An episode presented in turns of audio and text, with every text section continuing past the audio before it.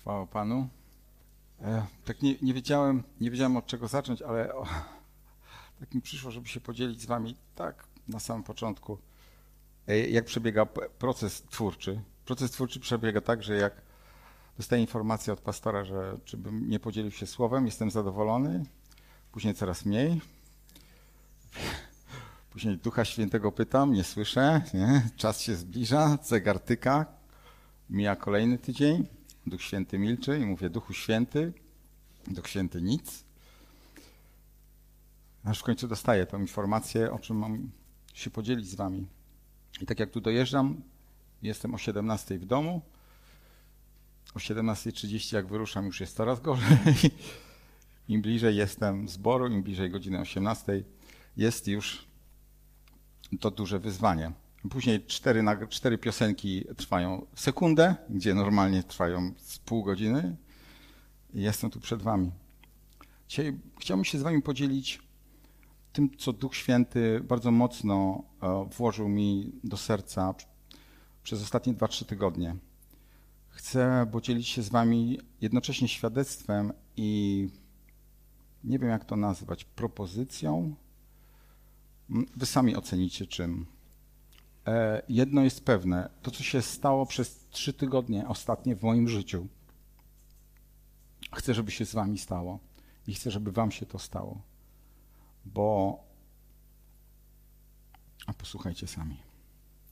Pomódlmy się. Gdziekolwiek jesteście, pochylcie głowę, zatrzymajcie się na chwilę. Duchu Święty, ja Cię proszę, żebyś otwierał nasze serca na dzisiejsze słowo. Duchu Święty, ja Cię proszę, abyś dotykał naszych serc, abyś wskazywał nam miejsca, do których, które chcesz, żebyśmy zobaczyli, abyś pokazywał nam miejsca, które powinny być zmienione i dotknięte. Duchu Święty, proszę Cię, niech Twoja obecność z każdej sekundy na sekundę się powiększa, się zwiększa, a nie maleje. Dziękuję Ci, Jezu, za to wszystko, co dla nas zrobiłeś. I dziękuję Ci za wsparcie. Amen. Dzisiejsze kazanie będzie kolejnym konfrontującym kazaniem. W zeszłą niedzielę pastor zaczął konfrontująco, tydzień temu w czwartek e, Piotr. E, na, naprawdę e, posłuchajcie sobie Piotra kazania, jest bardzo fajne. I od Piotra kazania, jakby to, co Piotr powiedział, później to, co pastor powiedział, dało mi może nie tyle zielone światło, ale taką pewność, czym chcę się z wami dzisiaj podzielić. I zacytuję, e, bo nie wiem, czy wszyscy słyszeliście, słuchaliście e, kazanie Piotra i, i pastora. Wierzę, że tak, ale chciałbym przypomnieć wam to, co się wydarzyło w zeszły czwartek w kilku pytaniach, które zadał Piotr w trakcie swojego, kiedy dzielił się, swoim, kiedy dzielił się słowem z wami, z nami. Piotr zadał kilka pytań. Jakie bitwy, on zadał pytanie, jakie bitwy staczamy w naszym umyśle? Czy są to bitwy wygrane, czy są to bitwy przegrane? Czy mówimy Bogu, jak wielki jest Goliat, czy mówimy, jak wielki i potężny jest Bóg, który zwyciężył Goliata? Czy to, co zrobiliśmy wcześniej naszym, w naszym życiu, warunkuje nasze dzisiejsze decyzje? I pastor w niedzielę jakby mm, pociągnął dalej to, te pytania, zadawał te pytania, zadawał coraz więcej pytań w tym kierunku. Czy Twoje bitwy, czy Twoje bitwy prowadzą Cię do celu, jaki ma dla ciebie Chrystus, czy raczej są to bitwy, które budują twoje ego? Czy są to bitwy, które rozpra rozprawiają się z twoim ego, czy może jeszcze je rozbudowują, oddalając Chrystusa na dalszy plan? Czy to są moje bitwy, czy to są Boże bitwy? Czy chcesz Twojej chwały, czy Jego chwały? Czy kiedy upadasz, to się poddajesz, czy idziesz dalej pomimo porażek? Ja Was zachęcam do tego, żebyśmy dzisiaj poszli dalej. Zachęcam Was, żebyśmy śmiało i odważnie wsłuchali się w te słowa, którym Duch Święty, którym Duch Święty włożył w serce i które sam osobiście, sytuacje, które Duch Święty zaaranżował. Bo wiecie, tu nie ma przypadków w naszym życiu. Chcę się z tym z Wami podzielić. Zacznijmy od Zacznijmy od y, rysu historycznego. Nie jestem historykiem, dlatego będę to bardzo skracał. Mm, Żydzi zostali wygnani z Egiptu, stoją przed rzeką Jordan i Bóg im, ta resztka, która się ostała, i Bóg im mówi tak, przejdziecie przez rzekę Jordan, jeżeli coś będzie nie tak, to proszę, proszę poprawiać mnie. Jeżeli przejdziecie przez rzekę Jordan, tam jest ziemia obiecana. Podzielicie sobie tą ziemię obiecaną i wygonicie wszystkie plemiona. I wygonicie wszystkie plemiona. W Księdze Liczb, w 34 rozdziale, od 54 wersetu, jest napisane: I rozdzielicie tę ziemię przez losowanie, jako dziedzictwo, według waszych rodzin. Liczniejszemu dacie większe dziedzictwo, a mniej licznemu dacie mniejsze dziedzictwo. Gdzie komu los przypadnie, to będzie jego. Otrzymacie dziedzictwo według pokolenia waszych ojców. Chciałbym zwrócić uwagę na ten werset, który teraz będzie, na 55. Jeśli jednak nie wypędzicie przed sobą mieszkańców tej ziemi, wtedy ci, których z nich pozostawicie, będą jak ciernie w waszych oczach i jak kolce dla waszych boków i będą was gnębić w tej ziemi, w której będziecie mieszkać. Będą jak ciernie w waszych oczach i jak kolce dla waszych boków i będą was gnębić w tej ziemi, w której będziecie mieszkać. Wtedy uczynię wam to, co zamierzałem uczynić im. I zgodnie z Bożym poleceniem Żydzi wykonali, no wykonali, no właśnie wykonali prawie wszystkie polecenia Boże. I tu prawie jest bardzo, bardzo istotną rzeczą, bo oni osiedlili się w ziemi obiecanej, podzielili ziemię obiecaną, wszystko było ok. Ale jednej rzeczy nie zrobili. Nie wypędzili jednego plemienia.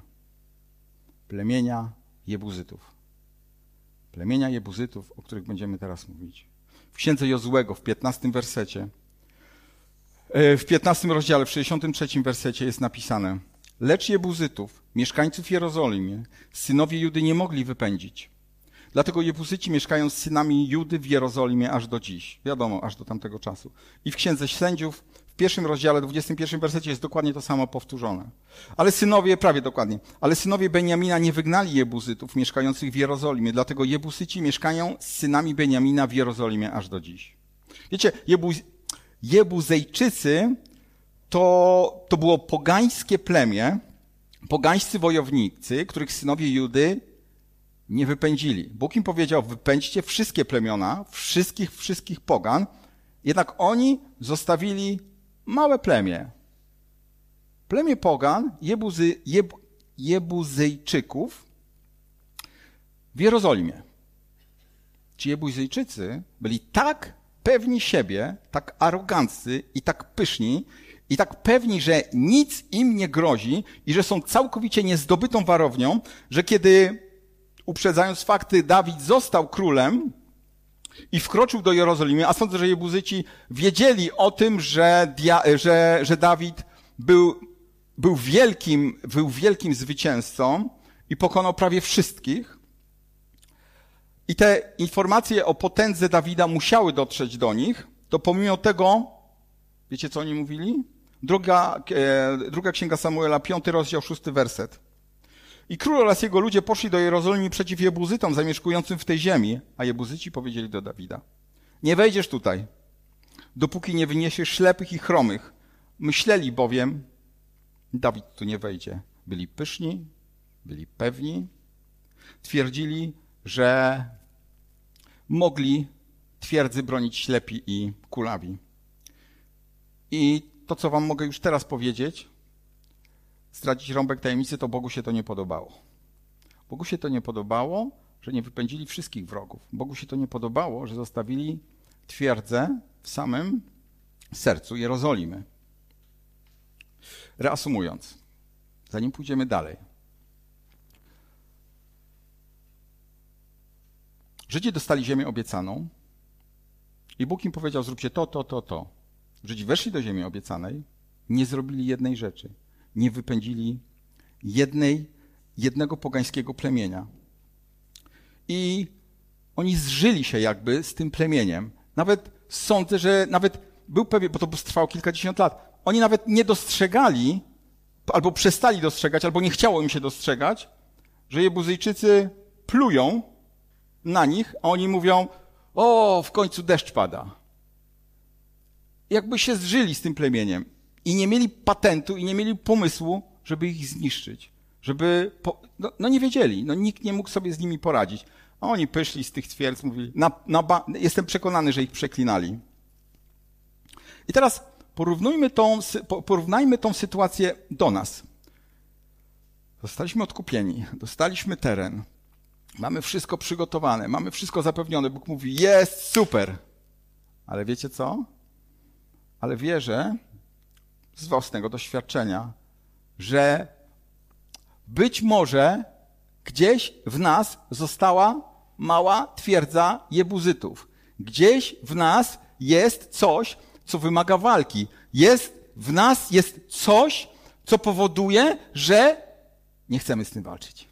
Że zamiatamy pod dywan, że jakoś sobie poradzimy. Bóg dał nam wszystko. I zapominamy o tych Jebuzyjczykach. I zapominamy o tym czymś, o tej warowni, która została, która jednak w nas została, pomimo tego, że Bóg nam darował wszystko. I powiedział, wy tylko rozprawcie się ze swoimi wrogami. Ale wiem z własnego doświadczenia, że nie zawsze tak się dzieje, że nie rozprawiamy się do końca z własnymi wrogami. Właśnie, co więcej, może nawet udajemy, że tych wrogów nie ma. Udajemy, że o, deszcz pada, a to wróg pluje, a to wróg nas niszczy od środka. A my mówimy, pięknie deszcz pada. Wiecie, i z tej, z pozoru bardzo małej warowni i z, tej, z, tych, z, tego, z tego małego miejsca, którą, które zajmują Jebuzyci, Jebuzyjczycy w Jerozolimie, może wyrosnąć coś wielkiego. Może wyrosnąć wielka warownia. Wiecie, ziarenko, drugie, trzecie, cegiełka, cement, cegiełka, kamień, tynk. Ło, trzy piętra, cztery piętra pobudowane, nawet nie wiemy kiedy. Zostawiliśmy, moi święci, ropiejącą ranę. Zostawiliśmy ropiejącą ranę. I ta ropiejąca rana, przez tą ropiejącą ranę dajemy dostęp szatanowi, dajemy dostęp niechcanym, niechcianym rzeczom, dajemy dostęp zazdrości, zawiści, odrzuceniu, nieprzebaczeniu, czym cokolwiek sobie chcecie. Dajemy dostęp. Wręcz zgodziliśmy się, często nieświadomie, na to, że ropiejąca rana w nas jest. Że, to, że kto jest? Że są Jebuzyci w Jerozolimie. Ropiejąca rana. Duchowe rany, tak jak powiedziałem, otwierają nas na atak przeciwnika. I dlaczego te warownie są tak ciężkie do. Dlaczego ci jebuzyci byli tak ciężcy do zauważenia? No dlatego, że oni to robili delikatnie. Raz, dwa, trzy, cztery, piąta warstwa, siódma, dwunasta, tak jak powiedziałem, drugie piętro, trzecie piętro, czwarte piętro. I nic nam nie zrobicie, bo do tej pory nic nam nie zrobiliście. Podzielę się moim świadectwem teraz. To dwa tygodnie. Dlaczego, to, dlaczego chciałem o tym z wami mówić? Razem z moją żoną i Sławkiem uczestniczymy w takim królewskim kursie. To jest, jesteśmy jakby królikami doświadczalnymi pewnej siostry, która, mm, która będzie zbierała nasze uwagi po całym tym kursie. Ten kurs jakby, ten kurs jest po to, żeby, żeby skracając, żeby nauczyć ludzi, którzy dopiero zaczynają chodzić w wierze, którzy dopiero zaczynają wierzyć, a może uwierzyli już dawno temu, ale nie wiedzą, kim jest Jezus. To są takie podstawy. I my uczestniczymy w tym kursie. Oprócz tych podstaw, kim jest Jezus, kim jest Bóg i tak dalej, i tak dalej, też jest kilka spraw, e, które zahaczają o naszą zwykłą cielesność. Kim jesteśmy, z czego, się z czego się składamy, że mamy jednak duszę, że czasami potrzebujemy wysiłku fizycznego, żeby się dobrze czuć. Takich kilka rzeczy, kilka lekcji tam też jest, kilka zajęć tam też o tym było. I wiecie, i, i, i, i chciałem wam powiedzieć o jednej, o, jednym, o jednej części, było o asertywności. Jak zaczęliśmy o asertywności, Uwierzcie mi, ja nawet nie wiedziałem, co to jest asertywność. Pisałem w Google asertywność, ale mi wyszła taka odpowiedź, mówię, nawet nie chcę czytać i tak dalej nie łapię tego. Wyszło na to, że asertywność, jeżeli, ci, jeżeli nie wiecie, to jest masz prawo powiedzieć nie, albo masz prawo powiedzieć tak. To jest asertywność. Skracając, zobaczycie sobie w Google, tam, tam jest więcej opisane. Okej, okay. i był taki, trzeba było zrobić taki wykres. Na podstawie ankiet, na, e, pytań trzeba było zrobić taki wykres. Ten wykres się nazywa, nie wiem czy go zapisałem. To jest taki wykres, no nieważne. Ehm, radar, o, wykres radarowy. On się składa z kilku punktów, które się łączy i wychodzi coś na kształt pajęczyny, czegoś. I to jest tak, że mm, e, jeżeli któraś część tego, tego punktu wychodzi w, w, jakimś kierunku, to znaczy, że jesteś empatyczny, że nie jesteś empatyczny i tak dalej, i tak dalej. Jak ja zobaczyłem te swoje, ten swój wykres, mówię, oj, blado to wygląda, bo to było takie nieregularne kółko. W żadną stronę nie szło, jakoś specjalnie się nie wybijało. Byłem szaro-różowo-beżowy sobie pomyślałem. I jak ta dziewczyna przechodziła, jak zobaczyła, mówi, pokaż Sebastian, jak to twoje wygląda, ten wykres. Jak zobaczyła, mówi, ojej. I sobie pomyślałem, chyba coś w tym jest, nie? Chyba coś nie tak ze mną. Ale nie myślałem, że mam, że, że ja, ja nie myślałem, że coś nie tak, że no, 50 lat prawie żyję, no pewne decyzje w życiu podejmowałem. No ale tu czarno na białym było widać beżowy, nie? Beżowy, szary, nico. Zadawałem, zadawałem zadawać sobie pytania, zacząłem ja sobie zadawać pytania. Zamiast zapytać się od razu Boga, to zacząłem ja sobie zadawać pytanie. I tak to zostaw, i zostawmy to. Pewne rzeczy, które będę mówił, dzieją się regularnie, czyli ten kurs, który tam odbywa się raz w tygodniu i w poniedziałek, jakieś dwa tygodnie temu, ruszam autem do, do mojej pracy i wszystko mnie zaczyna denerwować. Wszystko mnie, jakaś kobieta wyjechała, coś tam, maseczka, wiecie, zachodzi za słuchawki, tu, tu, tu zimno, tu ciepło.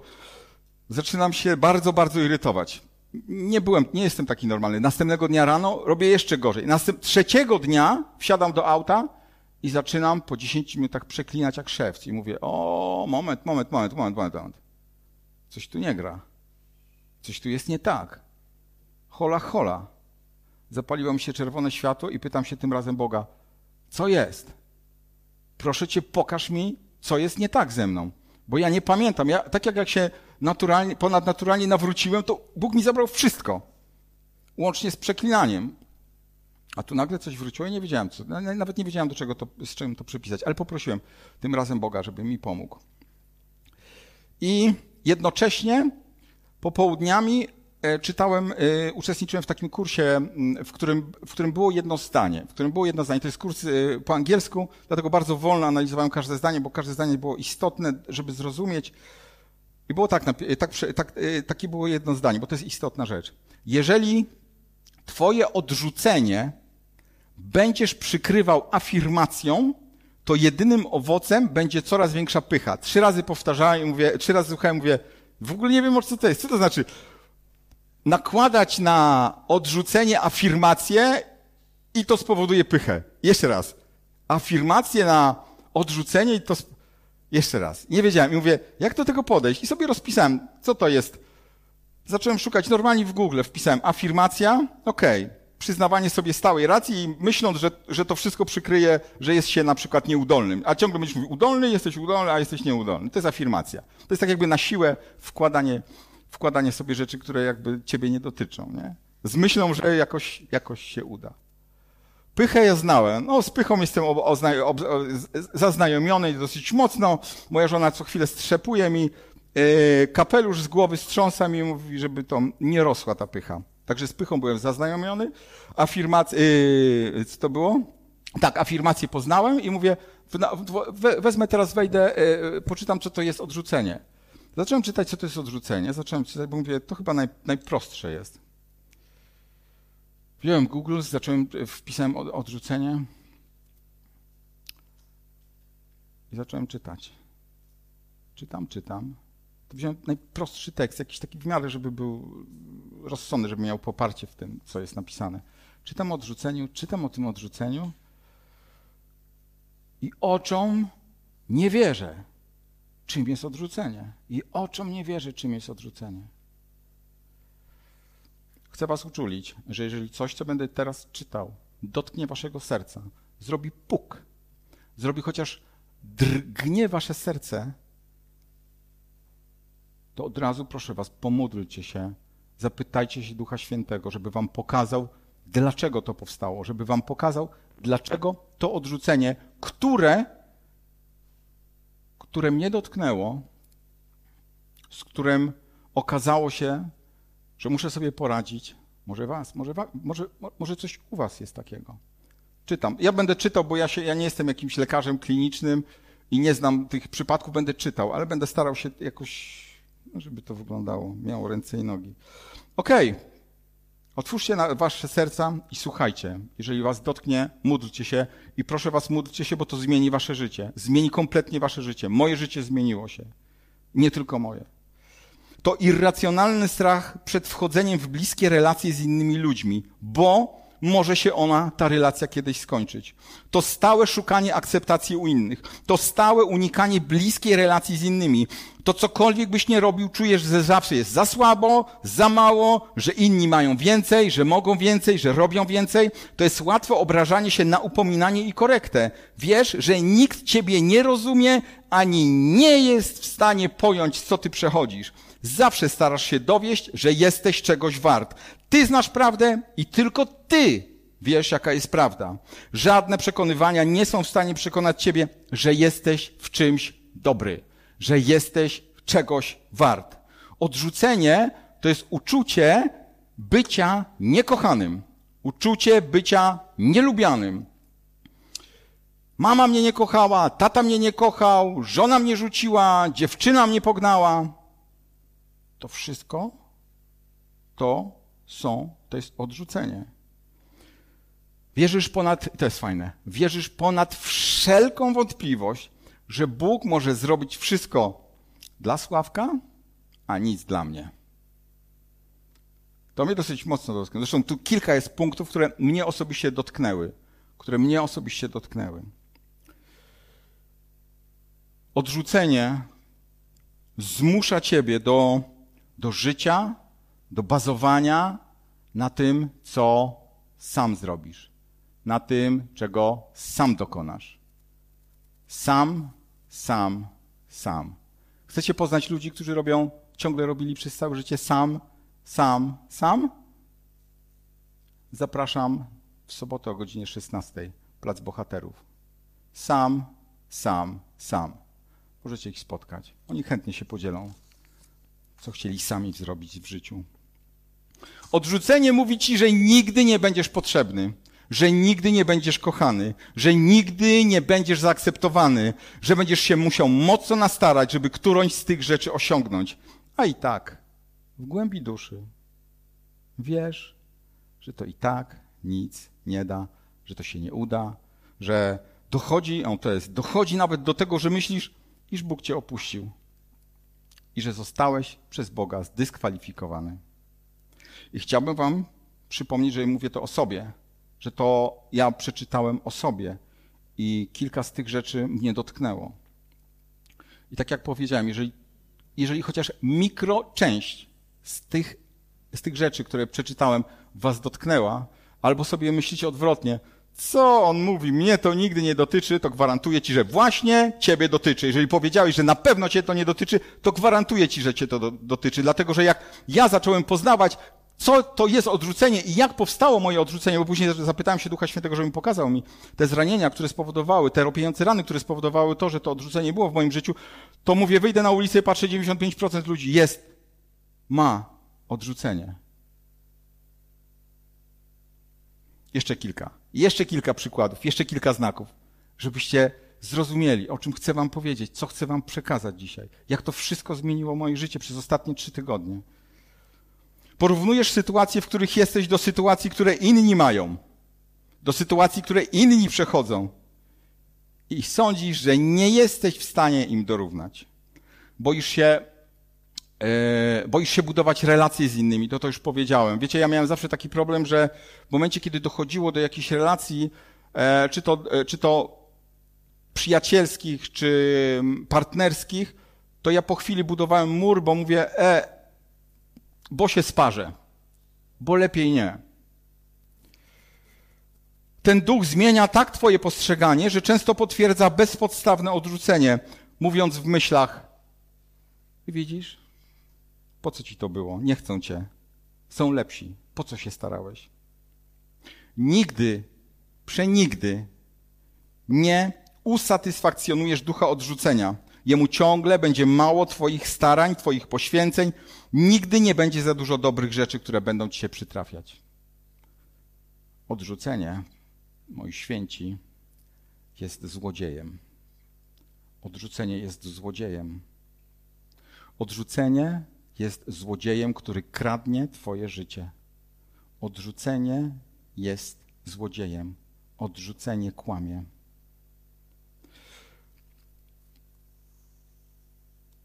Wpływ na wystąpienie tego, na to odrzucenie, często mają nadopiekuńczy rodzice, wyręczający dzieci we wszystkim. Ale najczęstszą przyczyną odrzucenia jest doświadczenie odtrącenia w przeszłości. Na przykład poprzez rozwód rodziców,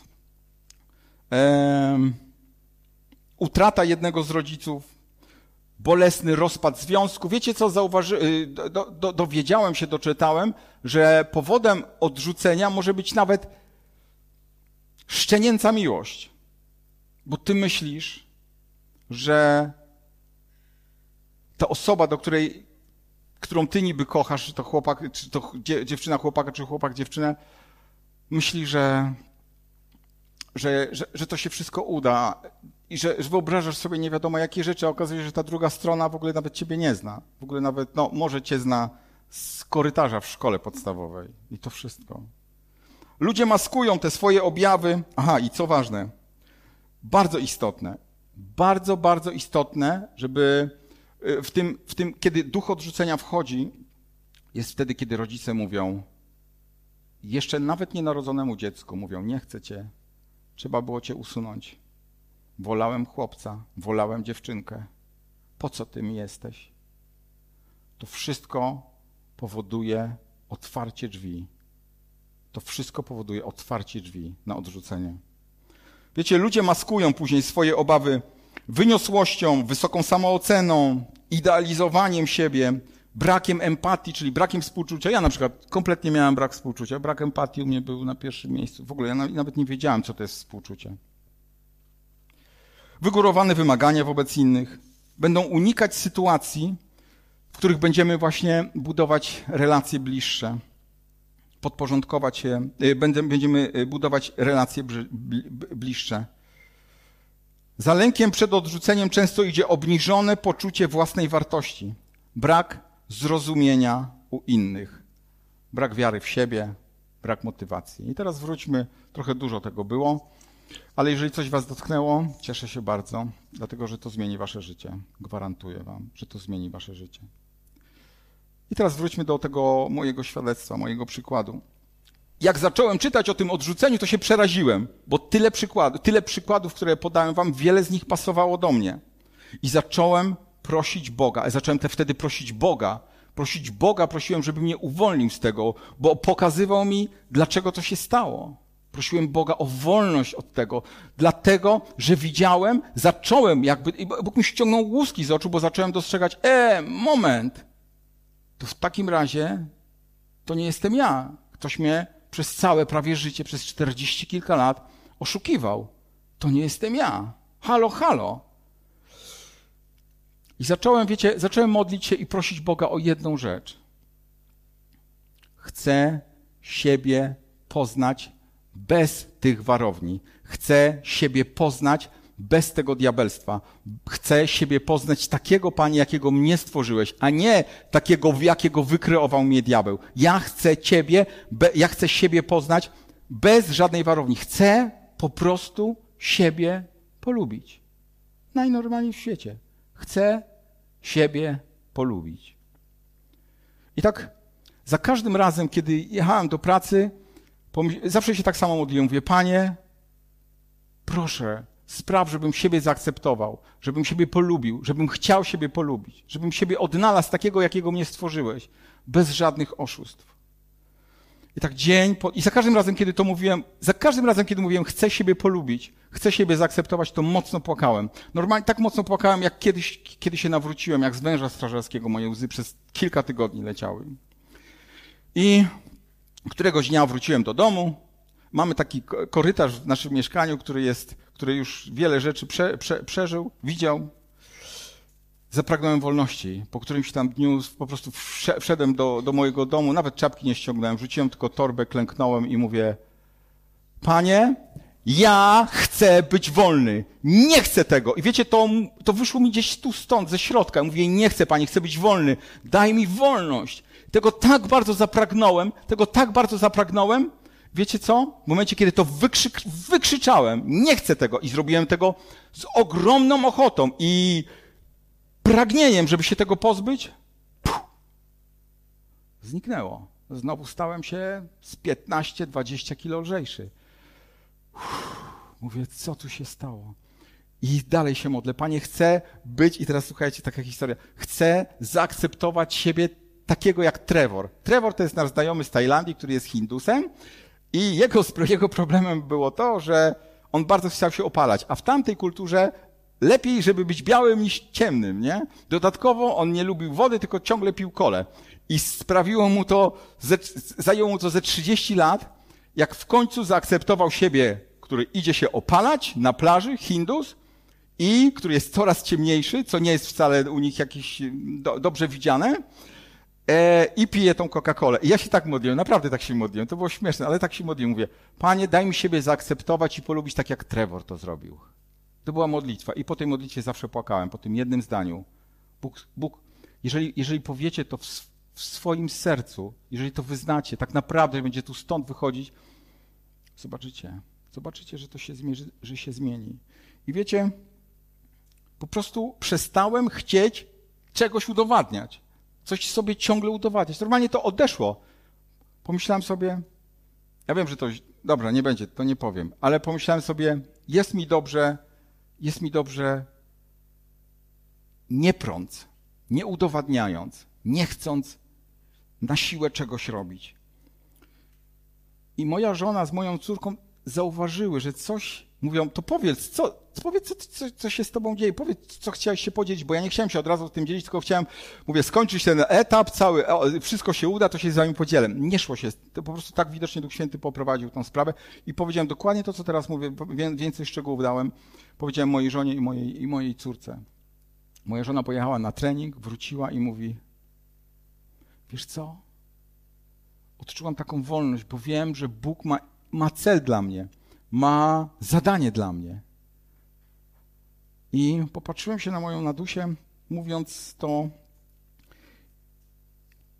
i wróciłem do, tej, do, do tego, dlaczego to się zaczęło, do, do asertywności. I mówię, i zacząłem u Nadi widzieć brak asertywności. Ona jest jeszcze młodą dziewczyną.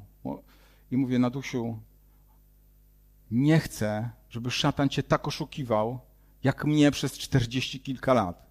Musisz sobie teraz z tym poradzić. Będzie ci dużo lepiej. Będzie ci dużo lepiej niż mi po 40 latach walki, całkiem często, często nieświadomej z tym, co mi się działo. Ja, ja tego po prostu nie widziałem, bo ta warownia jebuzytów cały czas we mnie była.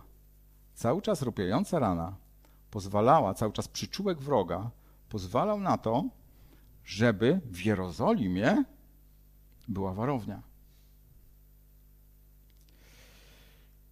Święci moi, jak się zapytałem, to dobrze, Boże, to jakim ja mam teraz być? Jak ja, co, co?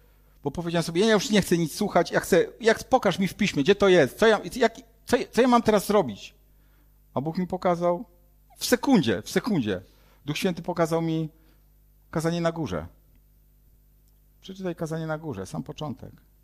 Ja zacząłem czytać i mówię, fu, ale roboty przede mną, bardzo dużo ale wiedziałem, poznałem przynajmniej kierunek, ale poznałem przynajmniej kierunek.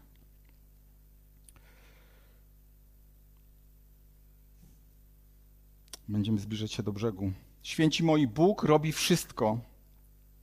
Wskazuje miejsca, jak go poprosimy. Wskazuje miejsca, gdzie diabeł ma jeszcze dostęp. Wskazuje miejsca, gdzie jebuzyci mają pobudowane warownie. I Oby tak było, że, że nie ma u was żadnych warowni, że rozprawiliście się ze wszystkim. Chwała Panu. Chciałbym z takim kimś porozmawiać. Ale poproście Ducha Świętego, żeby pokazał wam, gdzie te warownie w was jeszcze są. I to już nie tylko mówię o odrzuceniu, o bardzo różnych rzeczach, o bardzo różnych rzeczach. Bóg chce postawić przed wami zadanie. Bóg chce pokazać wam drogę, ale nie zrobi tego do momentu, kiedy nie będziecie czyści, święci, kiedy nie będziecie przekonani i pewni przez Boga, bo to Bóg musi was zapewnić, nie wy sami. Bo wasze zapewnienia okażą się pyszne i będziecie musieli mieć żonę, która strąca ciągle kapelusz z głowy. Święci moi, Bóg, uwaga, bo uwaga, trochę zdradzę, zdradzę co będzie dalej. Bóg chce postawić na miejscu warowni świątynię. Bóg chce postawić na miejscu warowni Arkę Przymierza. Mówię dlaczego. Mówię wam dlaczego. Nie postawi przed wami zadania, gdzie trzeba będzie wykazać się wielką wiarą i wielką odwagą i wręcz być skazanym na ataki innych. Wolnych, nas wolnych, nas oczyszczonych, Bóg postawi na nowej drodze. Na drodze, którą ma dla nas przygotowaną. Na drogę, którą nikt nigdy nie szedł, bo każdy z nas jest inny i każdy z nas ma inną drogę. Wiecie, nowa droga to się równa w chrześcijaństwie, a my jesteśmy wierzącymi chrześcijanami. Nowa droga, którą Bóg ci wskaże, którą będziesz szedł do przodu, równa się nowe prześladowania. Amen. Bo to akurat mamy zagwarantowane. Prześladowania mamy zagwarantowane, będą. Amen. Nowa droga, którą Bóg ci wskaże, bo zobaczysz, że jesteś czysty, że jesteś pozbyty warowni jebuzytów, że jesteś pozbyty ropiejącej rany, że jesteś pozbyty przyczółka diabła. Nowa droga równa się nowe wyzwania, równa się nowe prześladowania, równa się nowi przeciwnicy. I co to się równa? Równa się nienawiść, równa się złość, równa się, równają się ataki. Jeżeli nie nauczysz się przebaczać, jeżeli nie nauczysz się przebaczać, bo będziesz musiał przebaczać, bo chrześcijanie nie odpłacają złem za zło. Jeżeli nie nauczysz się przebaczać, jeżeli będziesz miał dalej warownię jebuzytów w sobie, to Bóg ci nie da. Nie da ci pójść kroku do przodu, a nie dlatego, że ciebie nie kocha, tylko dlatego, że ciebie ochroni. Ale jeżeli ty będziesz na kolana prosił, prosiła Boga, chcę, chcę, chcę, chcę, to w najlepszym wypadku staniemy się zgorzkniali, schorowani, o całkowitym, będziemy mieli całkowity brak samoakceptacji, przestaniemy wierzyć w Jezusa Chrystusa, zaczniemy widzieć Go tylko naukowo, a potem całkowicie oddalimy się od Boga, a tego, a to najbardziej chce zrobić diabeł. Koniec, kropka. Bo diabeł zabija, oszukuje, kradnie, morduje i co jeszcze? Diabeł nigdy dobrego słowa nie powie. Diabeł nie ma dobrego słowa w słowniku. Diabeł ma warownię jebuzytów. Diabeł ma ropiejącą ranę.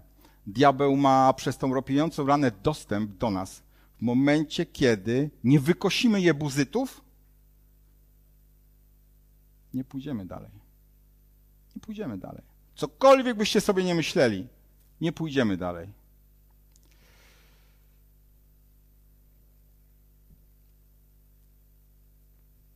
Jeżeli zdaliśmy sobie teraz sprawę, że to nas dotyczy, Dobra, to wróćmy teraz z powrotem do Dawida i do Jebuzyjczyków. Tych, którzy pluli na Żydów, oni mówili, no, w końcu jest deszcz, jaki tam deszcz jesienny, czy tam deszcz wiosenny. Wiemy o, tych, o tej warowni, ale król Dawid, pałając szczerą nienawiścią, pałając szczerą nienawiścią do Jebuzytów, zdecydował się na przejęcie warowni w Jerozolimie, uwaga, na górze Syjon. Warownia Jebuzytów była na górze Syjon. Na górze Syjon, na której miało, miano pobudować świątynię, na której miała spoczywać Arka Przymierza. Dawid nie mógł tego popuścić. I w księdze Samuela, w drugiej księdze Samuela, w piątym rozdziale, w siódmym wersecie jest krótka wzmianka. Dawid jednak zdobył twierdzę Syjon, to jest miasto Dawida. Dawid odkrył słaby punkt tej warowni, a mianowicie kanał, którym dostarczano wodę z pobliskiego strumienia. Nakazał swoim ludziom przedrzeć się do niego i w drugiej księdze Samuela, to dalej jest piąty rozdział, ósmy werset i dziewiąty. Dawid powiedział w tym dniu, ktokolwiek pokona Jebuzytów, wchodząc przez kanał i zabije ślepych i chromych, których nienawidzi dusza Dawida, ustanowię go dowódcą. Dlatego mówią, mówiono, ślepi i chromi nie wejdą do tego domu. I tak zamieszkał Dawid w tej twierdzy. I tą twierdzą Jebuzytów nazwał ją miastem Dawida. Dawid obudował ją też w koło od Milo i do wnętrza. Miasto to już w całości bez żadnej warowni pogańskiej, szydzącej sobie z narodu wybranego oraz poniekąd albo na pewno oraz z naszego Boga stała się stolicą narodu izraelskiego. I w dziesiątym kolejnym wersecie jest napisane: Dawid stale wzrastał w potędze, a Pan, Bóg zastępów, był z nim. Dawid pokonał Jebuzytów, pokonał warownię, pokonał ropiejącą ranę, pokonał przyczółek wrogów w Jerozolimie, nie bez powodu pokazuje na siebie, bo my jesteśmy, my jesteśmy, my jesteśmy królewskim kapłaństwem, świątynią Ducha Świętego. A Bóg chce wszystkiego, co najlepsze. Każdą cudowną obietnicę, każdy dar Ducha Świętego chce dla Ciebie, dla Ciebie, dla Ciebie. Drugi Koryntian, dziesiąty rozdział czwarty werset do szóstego. A narzędzia naszej walki, uwaga, nie są cielesne. Narzędzia naszej walki nie są cielesne, a jednak za sprawą Boga mają moc burzenia warowni jebuzytów. Nimi też burzymy wrogie zamiary i wszelką zuchwałość podnoszącą się przeciw poznaniu Bogu. Nimi, nimi zniewalamy każdą myśl do posłuszeństwa Chrystusowi i jesteśmy gotowi do wymierzania sprawiedliwości każdemu przejawowi nieposłuszeństwa, dopóki wasze posłuszeństwo nie stanie się pełne. I żeby nie było, Izajasza 43 rozdział, Bóg mówi tak, e, Izajasz mówi tak, e, ale teraz mówi Pan, który Ciebie stworzył, Jakubie, i który Cię ukształtował, Izraelu. Nie bój się, bo Ciebie odkupiłem i wezwałem Cię po imieniu. Jesteś mój. Gdy pójdziesz przez wody, będę z Tobą. Jeśli przez rzeki, one Cię nie zaleją. Gdy pójdziesz przez ogień, nie spłoniesz i płomień Cię nie spali. I dla zachęty. Ja bowiem jestem Panem, Twoim Bogiem, świętym Izraela, Twoim Zbawicielem. Dałem Egipt na okup za ciebie, Etiopię i Sabę zamiast ciebie, ponieważ, uwaga, jesteś w moich oczach drogi. Jesteś uwielbiony, a ja cię umiłowałem, dlatego dałem ludzi za ciebie i narody za twoje życie. Święci moi, kończąc już. Bóg ma dla nas przygotowaną pełnię, kraj mlekiem i miodem płynący. Wiecie, co musimy zrobić? Rozprawić się z jebuzytami. Rozprawić się z warownią. Z warownią, z warowniami, które są jeszcze w nas. Które są tylko i wyłącznie pożywką, drzwiami, ropiącą raną, przyczółkiem, przez który diabeł może nas atakować. To jest przyczółek, który zostawiliśmy diabłu świadomie bądź nieświadomie, ale czas zapytać Boga, gdzie jest warownia jebuzytów w nas. Wiecie, Bóg chce 100% nas. Chce nas 100%. Bóg chce 100% terenu. Bóg nie chce 95%.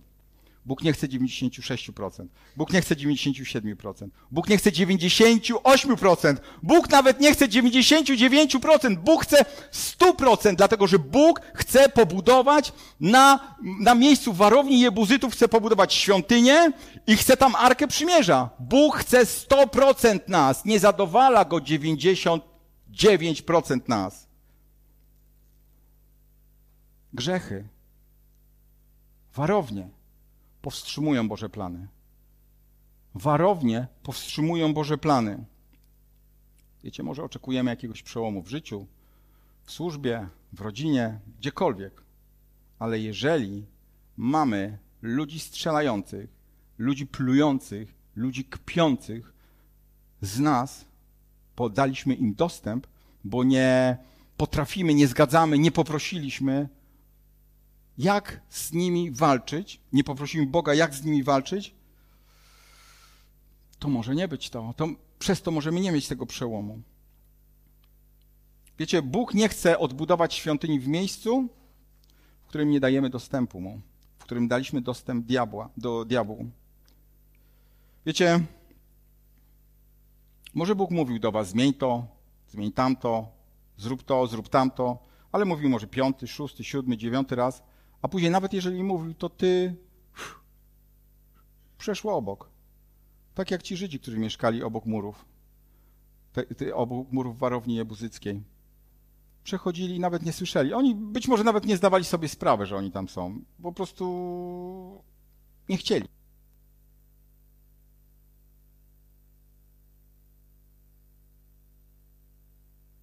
Teraz pomodlili. Chciałbym, żebyśmy się teraz pomodlili. Chciałbym, żebyśmy, żebyście teraz wrócili do początku gdzie zadałem pytanie, czy są jeszcze jakieś warownie w naszych sercach, które nie oddają Jezusowi Chrystusowi, Bogu naszemu, czci? Czy gdzieś jeszcze szatan ma dostęp? Chciałbym, żeby ci, którzy chcą się rozprawić z tymi warowniami, pomodlili się. Którzy chcą się rozprawić z duchem odrzucenia, bo uwierzcie mi, że w momencie, kiedy zdałem sobie sprawę, że ten duch odrzucenia był we mnie i dzięki Bożej łasce, dzięki Jego ofierze na krzyżu, Bóg mi pozwolił się go pozbyć, znaczy Bóg mi pomógł, żebym się go, się go pozbył, zacząłem widzieć świat inaczej. Zacząłem widzieć tak jak kiedyś. To jest coś wspaniałego być uwolnionym, być wolnym, być szczęśliwym, być jakby innym człowiekiem, takiego, którego nie znałem. Powstańmy. Pomodlimy się.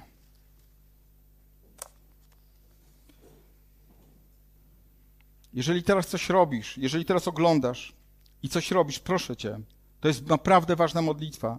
To jest, jeżeli wyznasz to całym sercem i uwierzysz w to, co mówisz, Twoje życie się zmieni. Zmieni się dokładnie tak samo, jak nie tylko moje, ale wielu, wielu, wielu, wielu ludzi, którzy zrozumieli, że diabeł i szatan przez tyle lat ich oszukiwał. Gdzie narosły warownie, które się na przykład nazywają nieprzebaczenie, odrzucenie. Powtarzajcie za mną w sercu swoim, nie musicie głośno, byleby to powiedzieć z wiarą. Panie Jezu, proszę wybacz mi, że zgodziłem, zgodziłam się wejść i uczestniczyć z duchem odrzucenia i porzucenia. Wybaczam teraz wszystkim, którzy wpłynęli na mnie, którzy spowodowali, że ten grzech we mnie się stał. Uwalniam wybaczenie względem osób, które to spowodowały w moim życiu. W imieniu Jezusa Chrystusa ja odcinam wszelkie powiązania, związania i więzy z duchem odrzucenia i duchem porzucenia. Łamię wszelkie umowy i porozumienia z tymi demonicznymi warowniami odrzucenia i porzucenia.